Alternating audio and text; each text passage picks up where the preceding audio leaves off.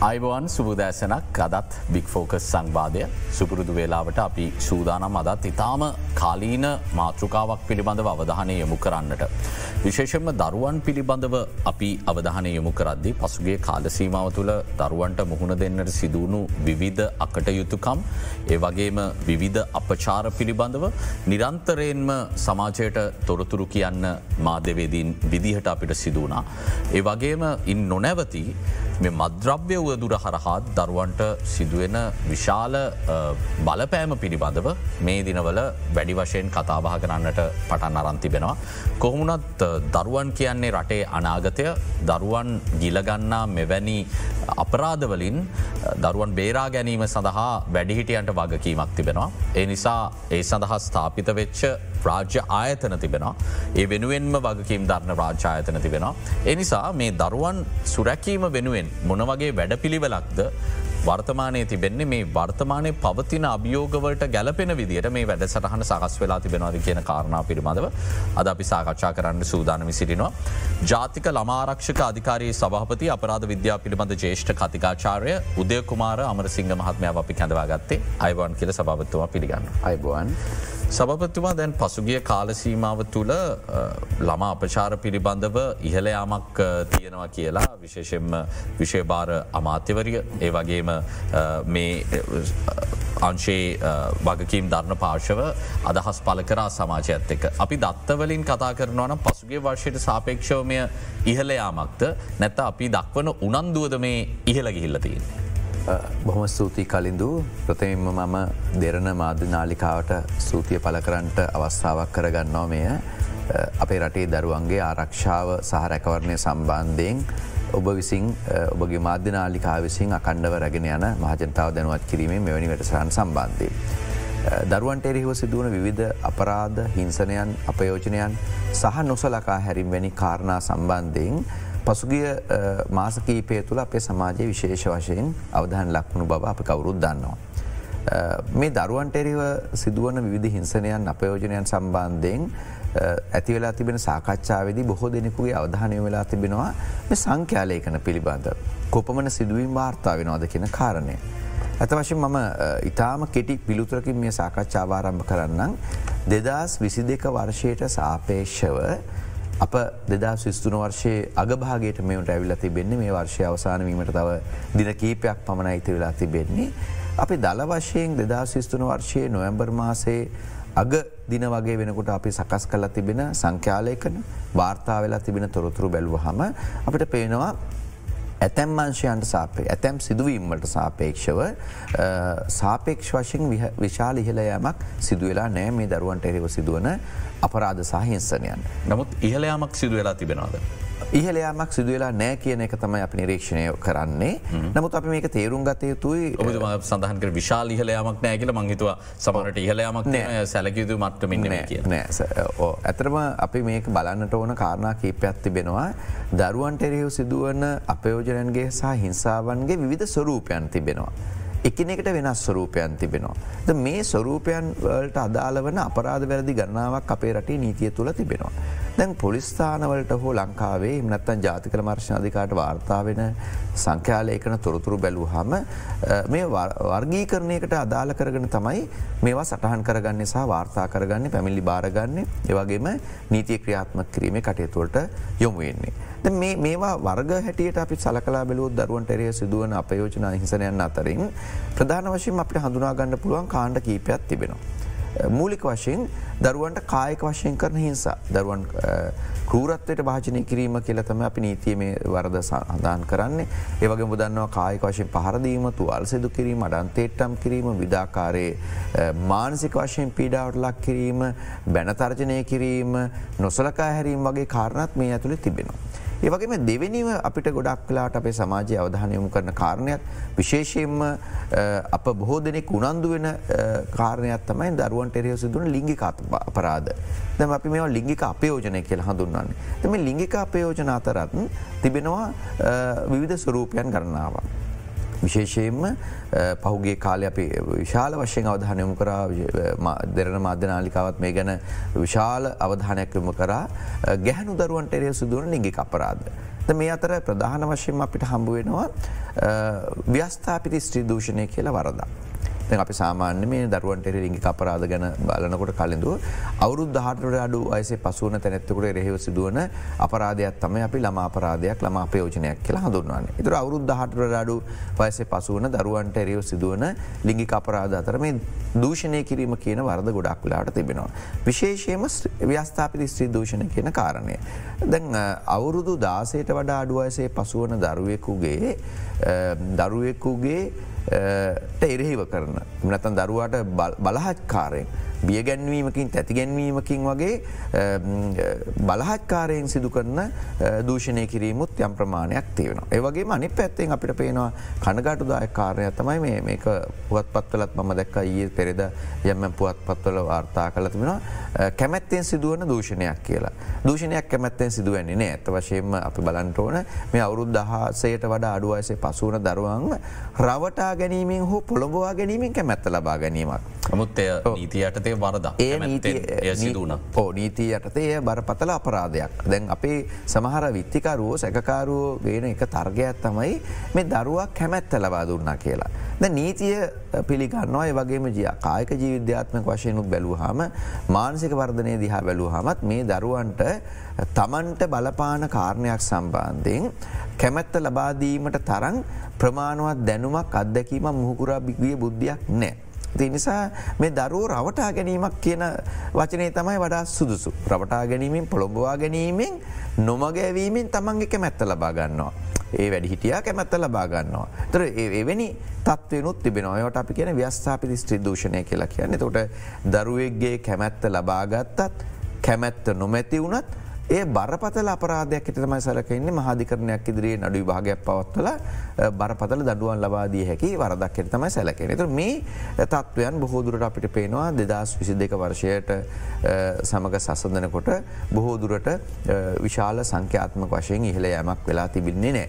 දැන් පොලිස් දෙපාර්මේන්තුවට සහ ජාතික මර්ශණ අධිකාරයට තමයි මේ අපරාධ බොහොමයක් වාර්තා වෙන්නේ.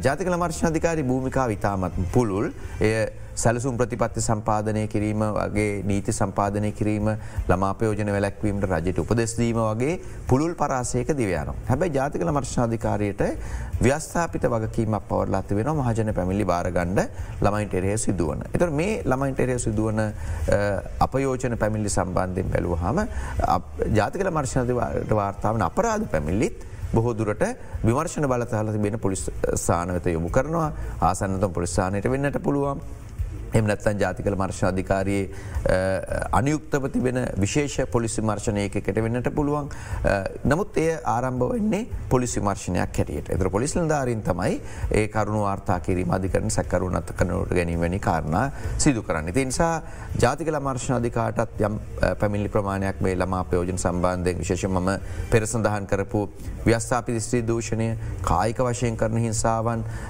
ව්‍යභිචාරය කියල තවත් ලිංගික පරමාර්ථයක් සහ සහිතව කරන අපරාධයක් තිබෙන විශේෂම ලේඥාති සම්බන්ධයක් තියෙන පවුලේ සාමාජිකයෙක් අතින් දරුවෙක් ලිංගික වශයෙන් අතවට ලක් කිරීම වගේ කාරණත් තිබෙන හැබයි සමස්යක් හැට ගත්ත හම මම නැවතත් කියන්ට ඕන දෙදස් විසි දෙක වර්ෂයට සාපේක්ෂව ඊට වඩා වැඩි ප්‍රතිශතයකින් මේ සිදුවීම් වාර්තා වෙලා නෑ. හැබැයි අපිට මතක තියාගණ්ඩෝ නිතාමත් වැදගත් කාරණය තමයි මේ වාර්තා වෙන සංඛ්‍යාලයකන දිහා බලලා මේ සිද්ධිය බරපතලකම අපිට මනින්නට පුළුවන්කමක් නෑ. එකක් තමයි මේ වාර්තා වෙන සිදුවීම් ප්‍රමාණයට වඩා වැඩි ප්‍රමාණයක් වාර්තා නොවී තිබෙනවා. ඒකතම මේ ළමයින්ටර අපරාධවල තියෙන සුවිශේෂී ලක්ෂණ විශේෂමලින්ගේ අපරාධවල දැන් අප අර පෙර සඳහන් කරපු ව්‍යස්ථාපිති ස්ත්‍රදෝෂණය වගේ තැනකදී මේ අත්දැකීම අවබෝධය නැති දරුවෙක් රවටා ගැනීමෙන් පොළොඹවා ගැනීමෙන් කරන ලිංගික ක්‍රියාකාරකම.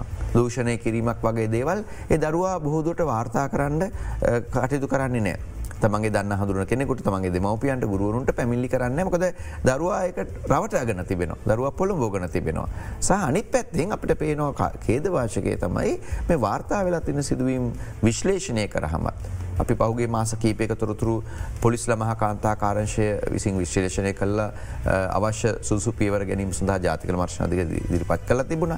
ඒ විශ්ලේෂණය කරනද දත්ත බැලුවහම අපිට පේනවා සියට හැට හැත්තෑවකට වඩාග ප්‍රතිශතයක් මේ ව්‍යස්ථාපි දූෂණය සිදු කල්ල තිබෙන්නේ. මේ කුඩා ගැහැනු දරුවෝ ඇතිකරගන්න ප්‍රේම සම්බන්ධතා මත. ද ප්‍රේම සම්බන්ධාවයක් ඇතිකරගත්ත තත්ත්වයක් තුළ මේ ගොඩක්ලට වාර්තා වෙලා තියන්නෙත් රිජුවම ළමයා විසින් කරන ලද පැමිල්ලක් හැට නෙවේ එය අඩුගානේ යෙහෙලියෙක් මාර්ගෙන් ගුරුවරියක් මාර්ගෙන් හෝ දෙමවපියන්ට ලැබුණු තොරතුරක් මත වෙන්නත් පාර්ශයකින් තමයි මේක අනාවරණය වෙලා තිබෙන තේතු අප පේනවා වාර්තාන වෙන ප්‍රමාණය දරු වාර්තා නුවන නොකරන ප්‍රමාණයකුත් තියෙනවා. ඒක තමයි මේක තියෙන බරපතලම කනගාටු දායක තත්වේ තුර සංඛ්‍යාලේකනයක් දිහා බලලත්ම අපිට මෙහි කේදවාචකයේ බරපතලකම ගැබුර කරන්නට බෑ. මේක තියෙන සමාජ පසුබිම මේක තියෙන පසුබිම් කතාව බල යුතු ඇත වශයෙන්ම මේ සිද්ධිවලට ගොදුරුවන්ට පසමි දරුව පත්වෙන අසරණ භාවය සමාජාවමට ලක්කිරීම ඒ වගේම නින්දාවට අපහසට ලක්කිරීම සහ අනි පැත්තෙන් තර්ජනය කිරින් බිය ගැන්වීම වගේ දේවලු සිද්ධ වෙනවා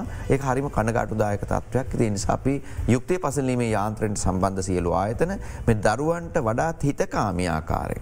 මේ දරුව ගොදුරු වෙච්ච දරුවන් සම්බන්ධය ක්‍රියා කිරීමේදී තාම හිත කාමයාකාරයෙන් විමර්ශණ කටයු සිදු කිරීම යුක්තිය පසලීමේ කටය තුළ දරවා ටාගතයක් හෝ පීඩාවක් නොවන ආකාරයෙන් කටයුතු කිරීම කරේ ජාතිකල මර්ශණ අධිකාරය සුවිශේෂ අවධානයක් යොමු කළ තිබෙනවා. සභපත්තුම ඔබතුමාළඟ දත්ත තිබෙනවන මේ අවස්ථාව තිබෙනවා නම් මට කියන්න මේ ළමා ගැබ් ගැනීම් කොපමට වාර්තා වෙලා තිබෙනවාද මේ වර්ෂය තුළ. දූෂණයවීමේ ප්‍රතිඵලයක් හැටියට දරුවන් ගැබ් ගැනීම් සිදුවීම් සම්බන්ධයෙන් පසුගිය මාස කීපයකදී මේ පොලිස් ළමහා කාන්තාකාරශන ලැපුණු දත් අපි විශ්ලේෂණය කළ තිබෙන. මං පෙර බොට සඳහන් කරා ඔක්තෝම්බර් මාස සැප්ටැම්බර් මාස දෙදස් විසිතුනේ සැප්ටැම්බර් මාසේ ලංකාවේ සියලුම් පොලිස්ථානවලට ජාතිකල මර්ශණ අධිකාරයට ඇතුළු පොලිස්ථානවලට වාර්තා වෙලා තිබුණා සැප්තැම්බර් මාසේ ගැහැනු දරුවන් එකසිය හැටට දෙනෙකු අවුරුදු දාසයට වඩාඩු අයසේ පසුවන ගැහැනු දරුවන් එකසේ හැටට දෙනෙකු දූෂණය ලක් වෙලා තිබෙන බවට. මේ දූෂණ ලක් වෙලා තිබෙන ගැහනු දරුවන් එකසේ හැට දෙන අතරින් විසි දෙදෙනෙකු ගැබ් ගැනීමට ලක්වුණු බවට මේ පොලිස්ථාන වෙතින් කරන ලද විමර්ශනලද අනාවරණය වෙලා තියෙනවා. තර මේ ඔක්තෝම්බර් මාසේ. ඔක්තෝම්බර් මාසේ දහවෙනි මාසේ මේ තත්ත්වය එකසිය තිස්ස එකක් හැටියට වාර්තා වෙලා තිබෙනවා.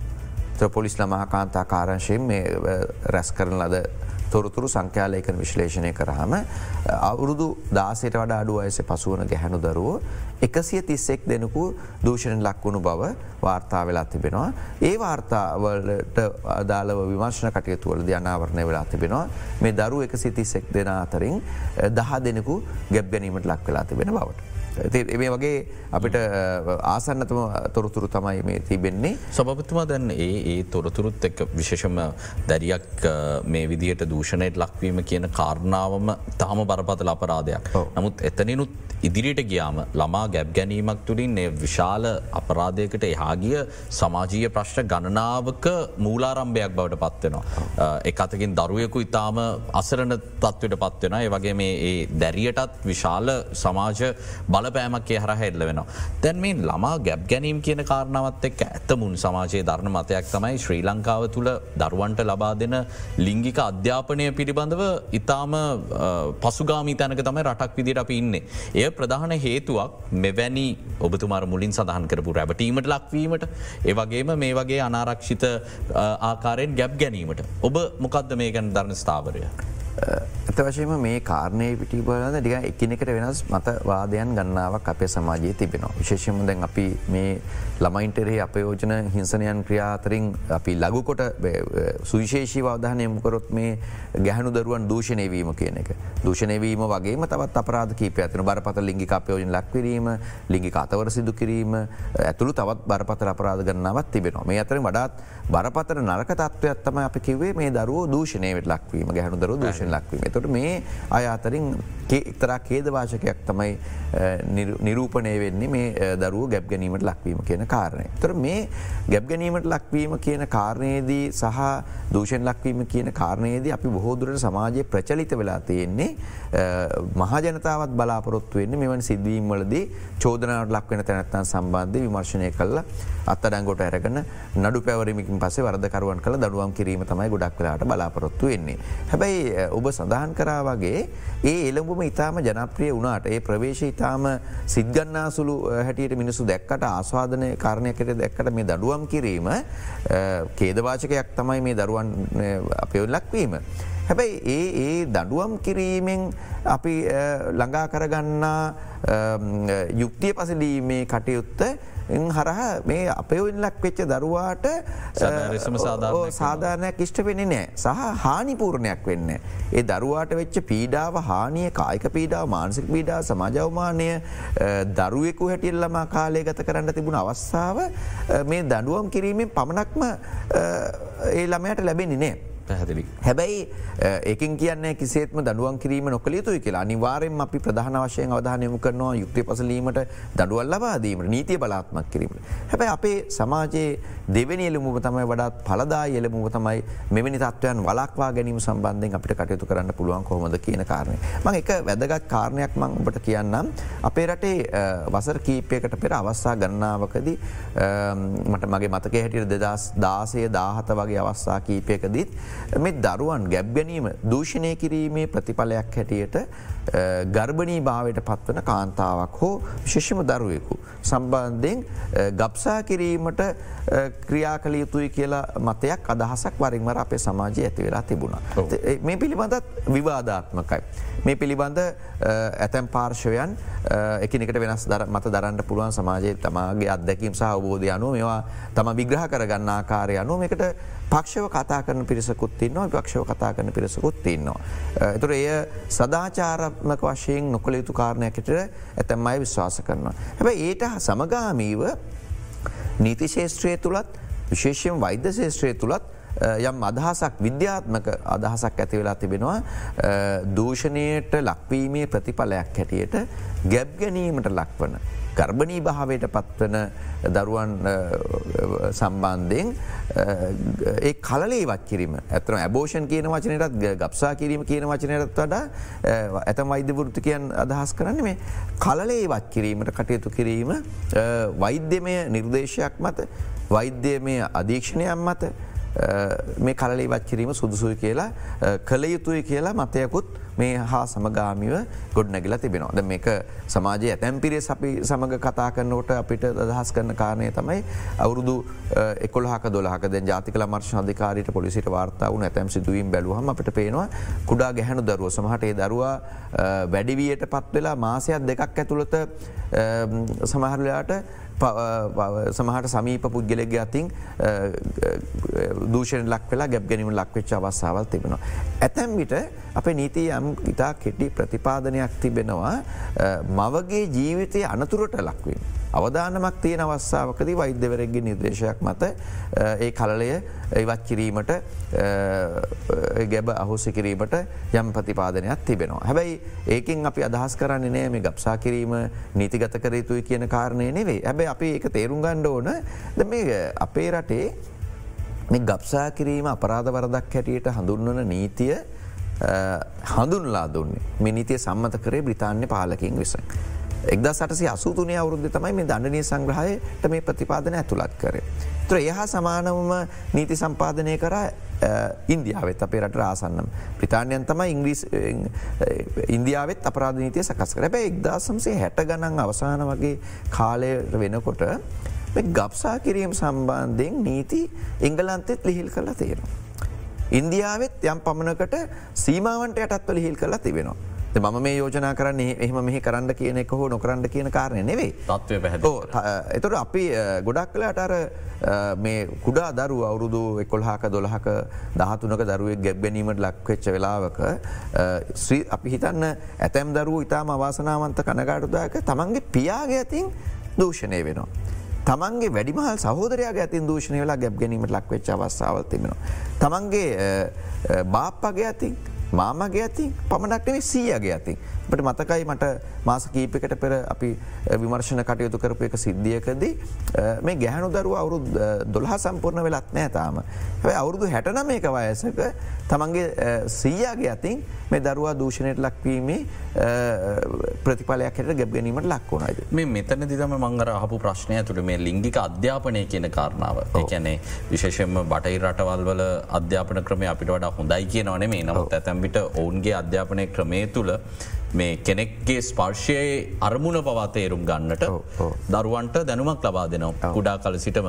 එකන තමන්ගේ පවුලේ ඥාතින් අතින්ම අතවරට ලක්වෙන පසුබීමක මේ ස්පර්ශය මොන අරමුණකින්ද කරන්න කියන එක තේරුම් ගන්න. කොයිතරම් වැදගත්ද දරුවන්ට මේ ලිංගික අධ්‍යාපනය කියන කාරණාව? ඒකතයි මංහිතන කලදු ඉතාම වැදගත්ම කාරණයමං එකට තම එන්න සූදන්නන් වනේ නීතිය බලාපොරොත්තුන කාරණාට වඩා වඩාත් පලදායි තත්වය තමයි මේ ලිංගික අපයෝජන දරුව ලක්වීම වලක්වා ගැනීම. වලක්වා ගැනීම සඳහා අපිට භාවිතා කරන්න පුළුවන් එලබුම් දෙකක් තිබෙනවා. ඒ එළමුද එකේ පලවෙනි කාරණයක් සාම්ප්‍රදායකව බොහෝ දෙනෙක් විශ්වාස කරන කාරණය තමයි මේ වැඩිහි ටියෝ දැනුවත් කන දෙමවපියන් භාරකරුවන් ඒවගේ භාරයහාරක්ෂාව දරන්න දැනත්තන් දැනුවත් කරනවා මේ දරුව ලිගි අපයෝජනයට ලක්වීම වලක්ව ගන්නට කියලා. හැබැයි ප්‍රශ්ය තියෙන්නේ මේ දත්ත විශ්ලේෂණය කරහම මේ භාරයහාරක්ෂාව දරන්න අතනුස් සැලකයුතු ප්‍රමාණයක් ලිංකි අපයෝජන ලක් වෙනවා. අපි ඒක සියට සියම් බැහර නොකලත්ේ ප්‍රවේශයකච්චා වැදගත් කාරණයක් දෙමෝපියන්ට වැඩිටියන්ට කියන්න පුළුවන් මේ දරුවන් ලිංගි අපයෝජන ලක්විය හැකි අවස්ථාවන් තත්වයන් වනවා දේව වලක්ව ගන්නමකක්ද. අවකාශය සහ අවස්ථාව ලකාගන්න කොහොමද කියන එක කියන්නට පුළුවන්. හැබැයි අපි දැන් විශ්වාස කරනවා වඩාත්ම පලදායි ක්‍රමවේදේ තමයි ඔබ සඳහන් කරපු මේ දරුවන්ට කියලා දෙන්න කොහොමද වලකින්න කොහොමද වලක්වා ගන්න කොහොමද කියලා. මේ වලක්වා ගැනීම සහ වැලකීම සම්බන්ධයෙන් දරුවන්ට මඳ අර මුලින්ම සඳහන් කරෙත් මේ දරුවන්ට ගොඩක් වෙලාට දැනුම අදැකි මුහකුරාගේ බුද්ධියක් දැනුමක්. එක තමාට එරේ සිදුවන යම් ක්‍රියාවක ප්‍රතිඵලයක් කර තමන්ට ඇතිවිච හැකි බලපෑම නර්තය දන්නේ නෑදැන් අපි කොහොමද කලින්දු අවුරුදු දොලහ කළමයෙක් දන්නවද? ලිංගික ක්‍රියාකාරකමට දුරුවීම ප්‍රතිඵලයක් නිසා තමක් ගැබ් ගැනීමට ලක්වේ කියන කාරණය පිළිබඳ දරුවට අවබෝධයන්නේ එහි අනාරශ්ිත භාවය පිළිබඳ එහි අවධානම් පිළිබඳ දරුවට අවබෝධයක් නෑ. ඒ නිසා අපි හිතන ඔබ සඳහන් කරපු ආකාරයෙන්ම අපිත් විශ්වාස කරනවා දරුවන්ට මේ සරලව මේ වැලකීම සහ වැලක්වීම පිළිබඳ කියලා දෙන්න ඕන කියලා. හැබැයි ඒක අමත කරන්න බැරි කොටසක් තියෙනවා.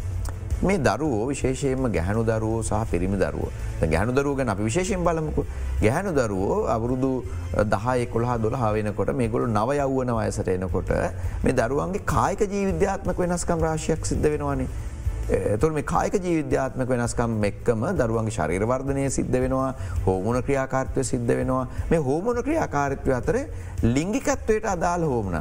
ලිංගික ක්‍රියාකාරකම්මට අදාල් හෝමන වර්ධනය වීම සිද්ධ වෙනවා. දරුව ස්වභාවයෙන්ම මේ ලිංගික කාරණ පිළිබඳම නවයවුණ වයසරෙනකට කුතුහලයකින් පසු වෙන. ඒ නිසාම තමයි නිවැරදි අවබෝධයක් ලබාදීම නිසාම තමයි නිවැරදි අවබෝධයක් ලබා දෙන්න කටයුතු කරන මට බතක අපි බාසල් දරු හැටි ඉන්නකොට අපේ නවයව්වන වයසින්නට අපිත් කුතුහල ඉන්නම වගෙන හිටි හැබැයි අපිට එන දැනුම කොහෙන්ද. අපිට මේ කුතුහලයට අදාළ විද්‍යාත්මක දැනුම අපිට එන්නේ නෑ. ගොඩක් කලාට අපි දන්නවා මේ නවයන ඇස පසුවන තරුණ වගේ හැනු දරුව පිරිමි දරුව එක්කො තමන්ගේ වැඩිහිටි තමන්ට වඩා වැඩි මහලු කෙනෙක්ගෙන් තමයි මේ තොරතුරු දැනගන්නේ. මේ කුතුහලයක්ත් එක් එතුට ඒවා ඒ ග්‍රහණය කරගන්නේ හරි රසවත් ආස්වාද ජනක දේවල් හැටි තම ග්‍රහණය කරගන්නේ. මේ දරුවන්ට ගොඩක් කලාට තේරෙන්නේ මේ කායක ජීවිද්‍යාත්ම වෙනස්කං එක එන සිදුවන වෙනස්කා. තු ඒවගේ බරපතලකම තේරෙන්න්නෙත් නෑ. තොට ගොඩක් කලාවට අර්ම මුලින්ම කිව්වගේ දරු පොළොබවා ගන්න පුළුවන් රවටා ගන්න පුළුවන් දරුවන්ට ඒහර ආස්වාද ජනක හැඟීමක් ඇති කරන්න පුළුවන්. තු දරුවන්ට කියල දෙන්න පුළුවන්නම් අපි වටා ඉන්න අපේ පවුලේ සාමාජිකය වෙන්නට පුළුවන් භාරහාරක්ෂාව දරන්නට පුළුවන් ගුරුවරු වෙන්නට පුළුවන් එමනත්ත අපි ඇසුරු කරන සමවයස් කණ්ඩාය වෙන්නට පුළුවන්. අපිව ලිංගි කාරමුණක් සහිතව පොළොඹවා ගන්නේ කොහොමද. ඒ වගේ වලකින්න කොහොමද විශේෂම ඔබ සඳහන් කර අපි වැදගත් කාරණයක් ස්පර්ශය සම්බන්ධය. මේක අපි කියනවා යහපත් පර්ශය සහ නරක ස්පර්ශය කියලා. ගුට්ටශ් බෑට්ටශ් කියලා අද මේ ගැන යම් සාකච්ඡාවක් ඇති වෙලාතේ හැබැයි ඒක විතරක් මන මේ මම කියන්න. අපිට විද්‍යාත්මකෝම දරුවාට කියල දෙන්න වෙනවා. අර්ම පෙත් සඳහන් කරා වගේ මේ නවයවන වයසරනට කායක ජීවිද්‍යාත්මක වෙනස්කං සිද්ධ වෙනවා. අපේ ශරීරයේ විදස්ථානවල රෝම වර්ධනය වෙනවා ශරීර වර්ධනය වෙනවා ඉන්ද්‍රියන් වර්ධනය වෙනවා.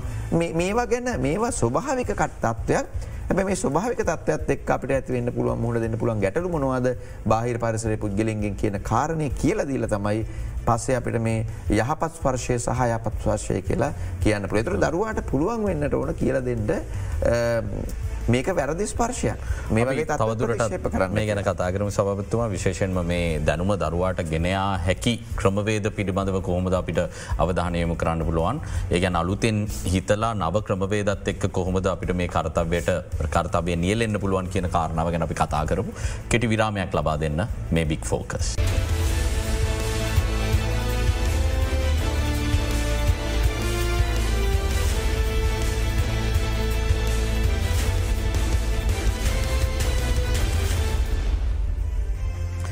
ජාතික ළමාරක්ෂක අධිකාරයේ සභහපති අපරාධ විද්‍යා පිළිබඳ ජේෂ්ඨ කතිකාචාරය උදය කුමාර අමරසිංහ මහත්මයත් එක් බික් ෆෝකස් සංවාධය අද අපි සාකච්ඡා කරන්නේ. සභාපත්තුමා දැන් මේ දැනුම ගෙන යන ක්‍රමවේද පිළිබඳව ඔබතුමාල අතර තියෙන සාකච්ඡාමකක්ද විශේෂම වැඩමුළු හරහා ගෙනියන්න පුළුවන්ද? අධ්‍යාපන ක්‍රමයට ඇතුළත් කරන්න තියෙන සාකච්ඡාමකක්ද මේ දෙකෙන් කඩිනමින්ම අපිට කරන්න පුළුවන් මොකක්ද. දරුවන් ලිගික අපයෝජනය ඇතුරු විධ අපයෝජනට ලක්වීම ලක්වා ගැනීම සම්බන්ධයෙන් දැනුම ලබා ගෙනයාම සඳහා දරුවන් අතරට දැනුම ගෙනයාම සඳහා අපිට දැනට අපි මේ වනටත් ක්‍රමෝපායන් ක්‍රියාමාර්ග රාශයක් අනුගමනය කරමින් සිටිනවා. එය නීති බලාත්ම කිරීමට වඩා උචිත පලදායි ක්‍රමවේදයක් ඇට අපි සල කර නිසා. ජාතික ළමාර්ශාධිකාරියත් නීතිය බලාත්මක් කරන ප්‍රධානතම ආයතනයක් කන පොලිසියත් මේ වෙනුවෙන් බොහෝ කාර්ය භාරයන් සිදු කරනවා. ශේෂයෙන්ම ජාතිකල මර්ශනාධිකාරිය මේ වනිටත් පාසල් මට්ටමින් දීපව්‍යාප්ටුව කරන වැඩසරාන් ගන්නාවත් තිබෙනවා. ඒ අතර අපි දැන් උදාහරණයකට කිවොත් එහෙම ජාතිකල මර්ශනාධිකාරිය සහ අධ්‍යාපන අමාත්‍යංශය ඇතිකරගත් එක කතාවක ප්‍රතිඵලය කර දැනට වසර ගන්නාවකට පෙර පාසල් අමාර්ශණ කමිටු පිහිටවීම සඳහා චක්‍රලේකයක් අධ්‍යාපන මාත්‍යංශ ලේකම්වරයා විසින් නිකුත් කලා තිබෙනවා. මේ චක්‍රලේකය හරහා දීපවත්ව ලංකායි පාසල් දහස් ගානක පාසල්ල මර්ශණ කමිටු ස්ථාපිත කරලා තිබෙන.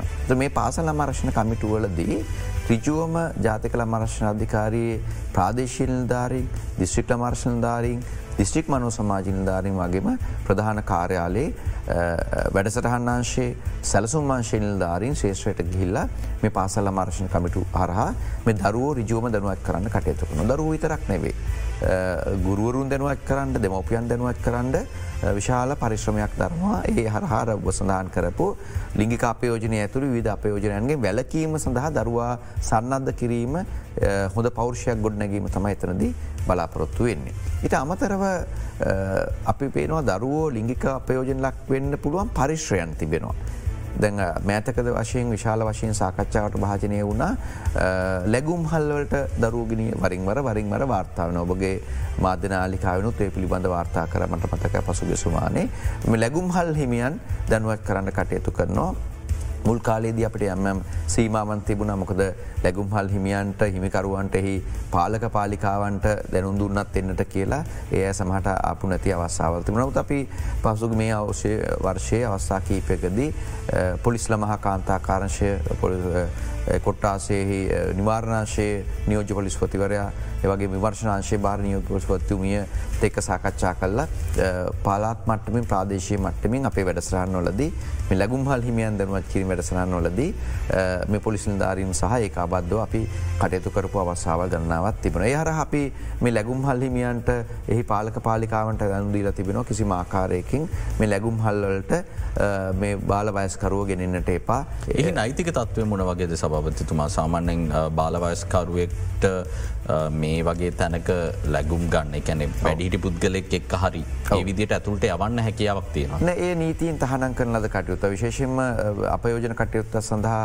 පරිශ්‍රයක් සැපීම දැමන් උදාහනකය මුලින්ම ආරම් කිව්ව අවුරුද්දාසට වඩාඩුලමගේ කැමැත්ත ලබාගත්තත් ඒ නීති විරෝධී ක්‍රියාවක්. එතකොට එවැනි වයසක පසුවෙන දරුවෙකු ඒවැනි ස්ථානයට අරංයා මේ කටයුත්තකට පරිශ්‍රයක් සැපීම ආධාර අනුබලදීම කියනවත් අපේ රටේ අපරාධ නීතියෙන් වරපතර දඩුවන් ලැබිය හැකි වැරදි. ඉති නිසා අපි ඒ අයට දැනුවත් කරනවා කරුණා කල්ලා මේ එන තැනත්තන්ගේ හැදුරුම් පත් පරීක්ෂා කරන්න දරුවෙකු එනවනං එය වලක්පාලීමට කටයුතු කරන්න පිත පිතරක් නෙවේ ඒ පිළිබඳ අදාළ නීතිය බලාත්මක නාශවට දැනුවත් කරන්නේ සැක්කරුන්ට එරෙව ක්‍රියා කිරීමේ හැකියාවක් තිබෙනවා. ඊට අමතරව අපේ දිස්ත්‍රික් සහ ප්‍රාදේශිලධාරී ජාතික මර්ශනාධකාරී අනුයුක්තව කටයුතු කරන ප්‍රාදේශය ළමර්ක්ෂණධාරින් දිස්කලින්ධාරින් දීපව්‍යාප්තව විවිධ ජන කණ්ඩායම් සමඟ විවිධ සමූහයන් සමඟ එකතු වෙලා මේ දරුණච් කිරීම කටයුතු කරනවා. විශේෂයෙන්ම අපි දන්න මේ දරුවෝ වැඩි වශයෙන් ලිගි අපවෙන් ලක්වීම අවදානම් තියෙන ශේෂත්‍රයන් තියෙනවා.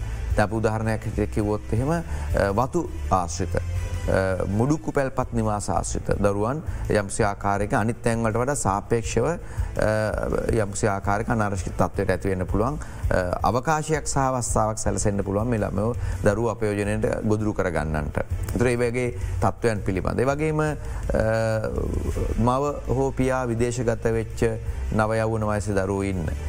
කුඩා දරුව ඉන්න පවුල් පිළිබඳ වැඩි අවධානයක් යොම කල්ලා අපි කියනව මේ අවදානම් කණ්ඩායම් සිතියම් ගත කිරීමක වල්නරබල් මැපින් කියලා ක්‍රමවේදයක් ජාතිකල වර්ශණ අධිකාරය භාවිතා කන තුර පලාත්මට්ටමින් ප්‍රාදේශී මට්ටමින් අවධානමට ලක්විය හැකි දරුවන් සිටින පරිශ්‍රයන් ප්‍රදේශ අඳුනාගන ඒව සිතියම් ගත කිරීම හරහා මේ අයට දැනුව ලබා දෙන්න කටයුතු කරන. ඒවගේම දෙදස් විසිතුන අවුරුද්දේ ජාතිකල මර්ශාධකාරය නව වැඩසරහනක් ආරම්භ කරා දීපව්‍යාප්තව අපි දන්නවා ළමා ආරක්ෂාව සම්බන්ධයෙන් ළම අපයෝජන වලක්වා ගැනීම සම්බන්ධය මහජනතාවටත් ඇතැම් අයට තියෙන දැනුව සාපේක්ෂ වශයෙන් අඩු වැඩි වෙනවා. ඒගේ තීර නීතිමේ තත්වය පිළිබඳ සමහරු දන්නේ නෑ අපි දැම් ඇතකද ඉතාම හොඳ වැඩසරහන පටන් ගත්ත. පසුගේ සුමානය පිළිබඳ මූලික සාකච්ඡාවන්න පැත්ව දෙදස් විසි හතරවරුද්ධ ජනවාරි මාසීදල අපේ ක්‍රියාත්ම කරන බලාපොරොත්තු. බදන්නවා පසුගේ අවස්සා කීපයකද ජනමාධ්‍යයන් වාර්තා කර මේ පාසල් වෑන් රත තුළ දරුව අපයෝජන ලක්වේ සිදුවී. කුරුණෑගල ප්‍රදේශයේ වගේම ඇමිලිපිටිය ප්‍රදේශය දැන් සුමාන කීපකට පෙර මේ වගේ තත්ත්වයන් තුළ ඒ ඒද වෑන් අතරිය දුරන් රිය සහයකින් පවා මේ දරුවාගේ භාරය හාරක්ෂාව දරන්න වෙනවයි කාලසීමාව තුළ ගුරුවරු දෙවපියෝ වගේම. තර අපි පසුගිය දින කීපකට පෙර ප්‍රවාහන මත්‍රංශය ප්‍රවාහන කොමිසම ඒවගේ මාර්ගස මගේ ප්‍රවාහන අධිකාරය ලංගම දුම්ග්‍රිය දෙපාර්මේන්තු මේ වගේ අංශයත් එක්ක පුළුල්ල සාකච්ඡා කල්ලා මෙවැනි පරිශ්‍රයන් තුළ. විශේෂයෙන්ම පාසල් වෑන් රත මේ වෙනකොට හතලි සට දහසකට ආසන සංඛ්‍යාවක් ලංකාවේ මේ දරුවන්ට සේවාවන් සපේනවා.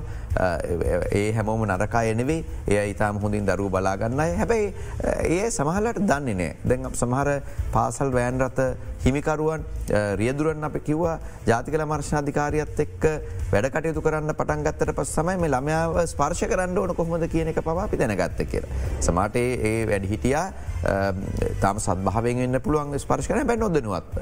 දරුවගේ පපු ප්‍රදේශය ලැම ප්‍රදේශය ලිංගික ප්‍රදේශ දරුවගේ පෞද්ගලික ඉන්ද්‍රියන් ස්වර්ශ කරන්න එපා ඒ අපරාධ වරදක් කියලා මේ අයට සමහල්ලාට නීතියමකක්ද කියලා දන්නේ නෑ.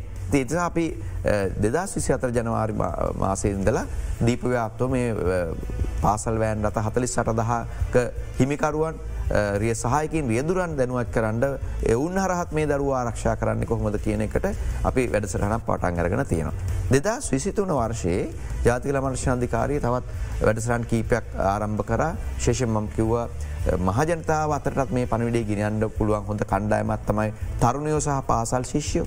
ඒ නිසා ඒ අය පුහුණු කිරීම වැඩසරහනක් දැන් ආරම්භ කලත් තිබෙනවා ඒ අපි හඳුන්වන්නේ පාසල් ශිෂ්‍යතානාපති වැඩසටහන සහ විශ්විද්‍යාල ශිෂ්‍යතානාපති වැඩසටහන කළ මේ අලු සංකල්පයක් ඇත් වශයෙන්ම ජාතිකල මර්ශනාධිකාරයේ සැලසුම් මාශයෙන් යෝජනා කළ අපි දීපියවත්ම ක්‍රියාත්ම කරන නව වැඩසරහනගේ අදහස වෙන්නේ මේ අපිට ගොඩක් කලාට කලින්ද අපි දන්නවා ළමාරක්ෂාව සම්බන්ධයෙන් කටයුතු කරන්න පුළුවන් වෘතිකයන් සාමාන්‍ය සීම සහිතයි. ඒක ඇත්තම තාක්ෂණක දැනුවක් සහිත වෘතිය කුසලතාවයක් සහිත පුහුණුවක් සහිත ශේෂත්‍රයක් විය යුතුයි.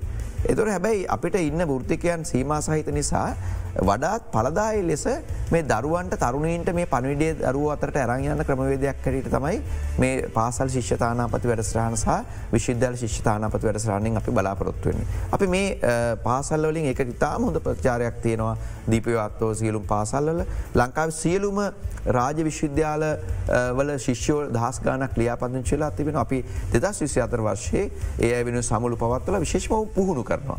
ළමාරක්ෂා පිළිබඳ උන්ට ඉතාම හොඳ මූලික අවබෝධයක් වලක්වා ගැනීම සම්බන්ධය විශේෂම තියන නීතිරීතුවනවද වලක්වා ගන්න කොහොමද කියන එක ගැන පුහුණුවක් දීලා ඔවුන් හරහා මේ දරුව දැනුවත් කරන්න බලාපොරොත්තු වෙන එක ඇතරම ස්වේච්චා බලකායක් හැටියට ගොඩනගන්න තමයි ජාතිකල මර්ශාධිකාරය බලාපොරොත්තු වෙන්නේ. මිට අමතරව කාන්තා ළමා කටයුතු හා සමයි සවලගෙන මත්‍යංශය පරිවාසහලා මර්ශසා දෙපාර්මෙන්තු පොලිස් දෙපාර්මෙන්තු වගේ ආයතනත් මෙ වෙනුවෙන් කටයුතු කන ජාතිකල මර්ශාධක විශේෂය අවධානයමු කරන්නේ ළම ආරක්ෂාව පිළිබඳ. සියලු ආකාරය අපයෝජනයන්ගේ ළමයින් වලක්වා ගැනීමට කටයුතු කිරීම ගොදුරුණු ළමයින් ආරක්ෂා කර ගැනීම.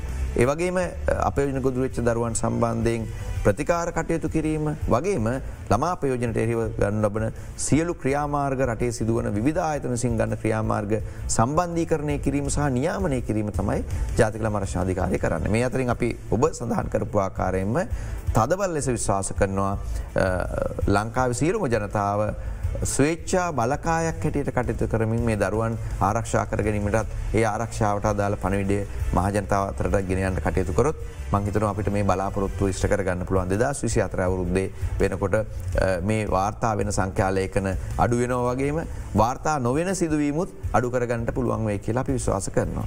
හොද තවත් කෙටි විරාමයක් ලබා දෙන්න අපිට යළිත් හමුවමු බික් ෆෝකස් සමක.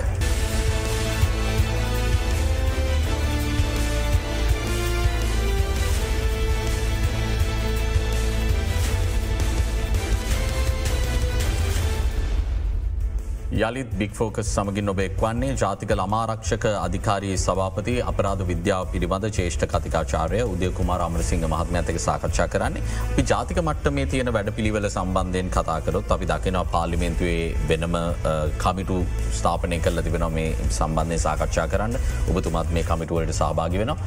මොන වගේද මේ වනවිට තියෙන සාකච්ඡාව අලුතෙන් ගෙන ආහැකි නෛතික ප්‍රතිපාදන සම්බන්ධයෙන් තියෙන සාකච්ඡාව අලුත් පියවර සම්බන්ධයෙන් තියෙන සාකච්ඡාව. ළමාපයෝජන වැලැක්වීම සම්බන්ධයෙන් ජාතික මට්ට මේ වැඩසහන් ගණනාවක් ක්‍රියාත්ම කරනවා වගේම ප්‍රතිපත්ති මේ කාරණ නිති සංශෝධන වගේ කාරණා සම්බන්ධයනුත් මේ වනට රජය අවධානය වෙලා තිබෙනවා ජාතික මර්ශාධිකාරීත් පාලිමෙන්ට්‍රේත් අවධානයම වෙලා තිබෙනවා. විශේෂම ජාතික මර්ශාධිකාර නයිතික වක්වීමක් පවල්ලා තිබෙනවා කලනු ළමා ප්‍රයෝජන වලක්වා ගැනීම සම්බන්ධයෙන් රාජයට උපදෙස් දෙන්න නීතිමේ බල තිබෙන්නේ ජාතිකල මර්ශාධිකාරයට. තොට ජාතිකල මර්ශාධිකාරිය සහ රජය මේ වෙනට නීති ප්‍රතිපාදන ගන්නාවක් හඳුන්ලා දෙන්න කටයුතු කරලා තිබෙනවා ඇතැම් නීති කෙටුපත් කල් අවසාන කල තිබෙනවා ඒවක් කැබිනට මන්ලේ අනුමැතිය සඳහත් යමු කරන්න අවශ්‍ය මූලික පීවර මේනට ඇරගන්න තිබෙනවා. විශේෂම ජාතිකල මර්ශාන්ධිකාරි මූලික මැදිහත්වීමෙන් දෙදස් විසි තුන වර්ෂය මුල් කාලේ මේ දරුවන්ට එරයෝ සිදුවන කායික හිංසනයන් කූරත්වට භාජනය කිරීම වැලැක්වීම අරමුණින් ඒ තියෙන නීති යාවත්කාලන කිරීම අරමුණින් ඒ නීති කෙටුම්පත් කල්ල ඊට අදාල පාර්ශණ එක සම්බන්ධ වෙලා සාකච්ඡා කල්ලා මේනට එය අධිකරන මාත්‍යංශය වෙත යොමු කලා තිබෙනවා කැබිනිට් මල්ලේ අනුමැතිය සඳහා. ඉට අමතරව ගරු ජනත්මා විසින් මේ වර්ෂයේ මුල් කාලේ ජාතිකල මර්ශාධිකාරයටත් කාන්තා ළමා කටයුතු හා සමසවිලගෙන අමාත්‍යංශට උපදෙස් දීල තිබෙනවා. අපි අපේ රට කලින්දු ළමායිතිවාසකම් පිළිබඳ විශ්ව ප්‍රකාශනයට අසන්තීල පාර්ශකරුවකුණු රටක්. එතකොට මේ සම්මුතියේ තිබෙන වගන්ති. මේ සම්මුතිය අපි ඇත කරන තියෙන එකගතාවයන් මේ ළමයින්ගේ ආරක්ෂාව තවදුරට පුල් කරන්නට කොහොමද නීති බවට පත් කරන්නේ එකට අවශ්‍ය පීවර ගන්නට කියන උපදෙස මේ වර්ෂය මුල් කාලය ගරුජනත්වා විසින් පසුගේ වර්ෂෙත් ලබා දුන්න ඒ අනුව ඒකට අදාළ මූලික කටයුතු ආරම්භ කලත් තිබෙනවා දැනට කටයුතු ළමහා කාන්තා කටයුතු අමාත්‍යංශ විසින් කෙටුම් පත් කරමින් සම්පාධනය කරමින් තිබෙනවා. ඉට අමතරව අපේ රටේ ව්‍යස්සාදායකය තුළත් විශාල උනන්දුවක් ඇතිවෙලා තිබෙන බව අපි නිරීක්ෂණය කරනවා. මේල මාරක්ෂාව සම්බන්ධය. දේ අතරින් වඩාත්ම වැදගත් එලබුමක් හැටියට තමයි මම පෙර සඳහන් කරේ මේ වලක්වා ගැනීම. නීතිය බලාත්ම කරන අලුත් නීති හදන එක අලු ක්‍රමවේදයන් හදන එක වගේම වලක්වා ගැනීම සම්බන්ධය කටයුතු කරන්න කොහොමද කියන එකට පසුගිය කාලේ මාස ගණනාවක් පුරා පාලිමෙන්තුවේ ළමුන් සම්බන්ධ පාලිමින්තු මන්ත්‍රයවරුන්ගේ සංසදයේදී දීර්ග වශයෙන් සාකාචාර භාජනය කරලා තිබෙනවා. ඒ වෙනුවෙන් විශාල උනන්දුවක් ඇත්ත වශයෙන්ම කාන්තාලම කටුතු අමාත්‍යංශය දැනට කැබිට අමාත්‍යවර හැටියට කටයුතු කරන්නේ ගරු ජනාධත්තුමා ඒවගේම රාජමාත්‍යවර හැටියට ගීතක් වන්සින් මහත්මය කටයුතු කරන ඔවුනුත් මේ සම්බන්ධ විශේෂ නන්දුවකින් කටයුතු කන වගේම පාර්ලිමෙන්තුව තුළ පක්ෂ විපක්ෂ බේදයකින් තොරෝ මේ පත් කල තියෙන කමිටුවලදී දීර්ග වශයෙන් වැඩ පිල්ලක් ක්‍රමවේද සකස් කරමින් සිට විශේෂයෙන්ම ඔට මතක ඇති වසර කීපයකට පෙර මේ දරුවන්ට ලිංගිකත්වය පිළිබඳ අධ්‍යාපන ලබාදෙන් විශේෂම ලිංගික අපයෝජනයගේ වලක්වා ගැනීම අරමුණු කරගමින් හතේ අපේ පොත කියලා කෘතියක් සම්පාදනය කලත මේ සිබිලිබඳ යම් යම් විරෝතාවයන් ආන්දෝලාත්මක තත්වයන් නැති වුණ. නොත් ඒ තත්වයනුත් මගහරවා ගනිමින් පහුගේ මාසකීපය පුරාම පාලිමේන්තු දරුවන් සම්බන්ධව කාන්තාවන් හ දරුවන් සම්බන්ධ පාලිමින්තු මන්ත්‍රගුණු සංසදේත් ඉල්ලීම සහ මැදිහත්වීම මත සම්බන්ධී කරණය මත සෞඛ්‍ය අමාත්‍යංශය අධ්‍යාපන අමාත්‍යංශය ඒවගේම ජාතිකල මර්ශනාධිකාරය ඇතුළු මේ ළමා ආරක්ෂාව සම්බන්ධයෙන් ළම සුභසාධනය සම්බන්ධය මැදිහත්වන සියලු ආයතන දීර්ඝ වෙහෙසකර කටයුත්තකින් පස්සේ මේ නව අධ්‍යාපන වැඩ පිළිලක් සකස් කරම ලංගිකත්ව අධ්‍යාපනය පිළිබඳ දරුවන්ට ඒ අවශ්‍ය සැලසුම් සකස් කල අවසාන අදියට ඇවිල්ලා තිබෙනවා. ඒවකම ජාතිකල මාර්ශාධිකාරියත් යම් මැදිහත්වීම් ගණනාවක් කල්ල තිබෙනවා. ඔබ දන්නවද මේ වනට අධ්‍යාපන ප්‍රතිසංස් කරන පිළිබඳ සාකච්ඡාවක් ඇති වෙලා තිබෙනවා. ඇතැම් විෂයන් සාමාන්‍ය පෙළ විෂයන් වෙනස් කරන්නටත් අලුත් විෂයන් හඳුලා දෙන්නත් කටයුතු කරමින් ඉන්නවා. ඒ වෙනුවනුත් ජාතිකල මර්ශාධිකාරය ජාතික අධ්‍යාපන ආයතනය වගේ ආයතනත් එක්වරින්වර සාකච්ඡා කරමින් අධ්‍යාපන මාත්‍යංශය වගේ ආයතනතික සාකච්ඡා සාකච්ඡා කරමින් මේ ළමා ආරක්ෂා පිළිබඳ මූලික දැනුම දරුවට ලබාදෙන් ඇත වශම දැනුම විතරක් වන අපිහිතනවා දැනුම ලබා දෙනවා වගේම කුසලතාවයන් ලබාදීමත් අපි බොහෝ දෙනකොට කලිතු දැනුම තියෙනවා. දැනුම තිබුණට මේ වගේ වැලකීම සම්බන්ධය වෙන කුසලතාවයන්න දරුව ගොඩක් කලාට දන්නවා මේ අපයෝජනයට හිංසනය ගොදුරුවීමෙන් තමන්ට පීටාවක් බලපෑමක් වෙන්න පුළුවන් කියලා. හැබැයි දරුවාට ඒවා ප්‍රතික්ෂේප කරන්න පෞරුෂයක් හෝ කුසලතාවයක් නෑ. ඒ නිසා මේ පෞර්ෂය සහ කුසලතාවය ඇතිකිරීම වෙනුවෙනුත් මුල් කරගත්ත ක්‍රියාකාරකම් ටිකක් ඇතුළත් අධ්‍යාපන ක්‍රමයක් අවශ්‍යය කියලා අපි තදබල් ලෙස විශ්වාස කරනවා. විශේෂයෙන් අපි දැනුම තිබී පමණින්ම අපට ආරක්ෂාව ලැබෙන්නේනේ ඒ කුසලතාවයක් යුතු නිසා ජාතික මට්ටමින් අපි වැඩසරහන් ගොඩක් මේ වන ක්‍රියාත්මක් කරගෙන යනවා. ඒවා යථර්ථයක් බවට පත් කරගන්න පුළුවන් මේ කියලා පිහිතනවා දෙදස් විසාතර වර්ශය තුළ. හොද බේවින්ම සූතිවන්තය නොබුදුමට අද අප අප වෙනුවෙන් මේ කාලය වෙන් කරට. ඉතාම් වැදගත් මාතෘකාවක් පිළිබඳ සාකච්ඡා කරයමකද මංහිතන්නේ සංඛ්‍යාත්මක බැලුවට වැඩිවීමක් නැතත් මහිතන ධනාත්මක කාරණාවක්. වැඩි දෙනෙක් මේ ගැන අවධානයෙන් සිරිනවා ජනමාධ්‍ය ඇතුළුව මේ සිදුවීම් පිළිබඳව වැඩි අවධානයකින් වාර්තා කර පසුගේ කාල්සීමාව තුළ. යනු අද අපේ අරමුණ බවට පත්වනේ මේ පවතින වටපිටාවේ මේ තර්චනය අවම කරගන්න මොනවගේ පියවරද කන්නට සූදානමින් සිටින්නේ කියන කාරණා පිළිබඳව සභපත්තුමගින් විමසන්න. ඒ සමගින් අපි අදට සංවාධයෙන් සමුගන්නට සූදානමින් සිරින්නේ හෙටත් සුපුරුදු වේලාවට ඔබ හමුවන්නට අපි බලාපොරොත්තු වෙනවා ඔබට සුබදිනයක්.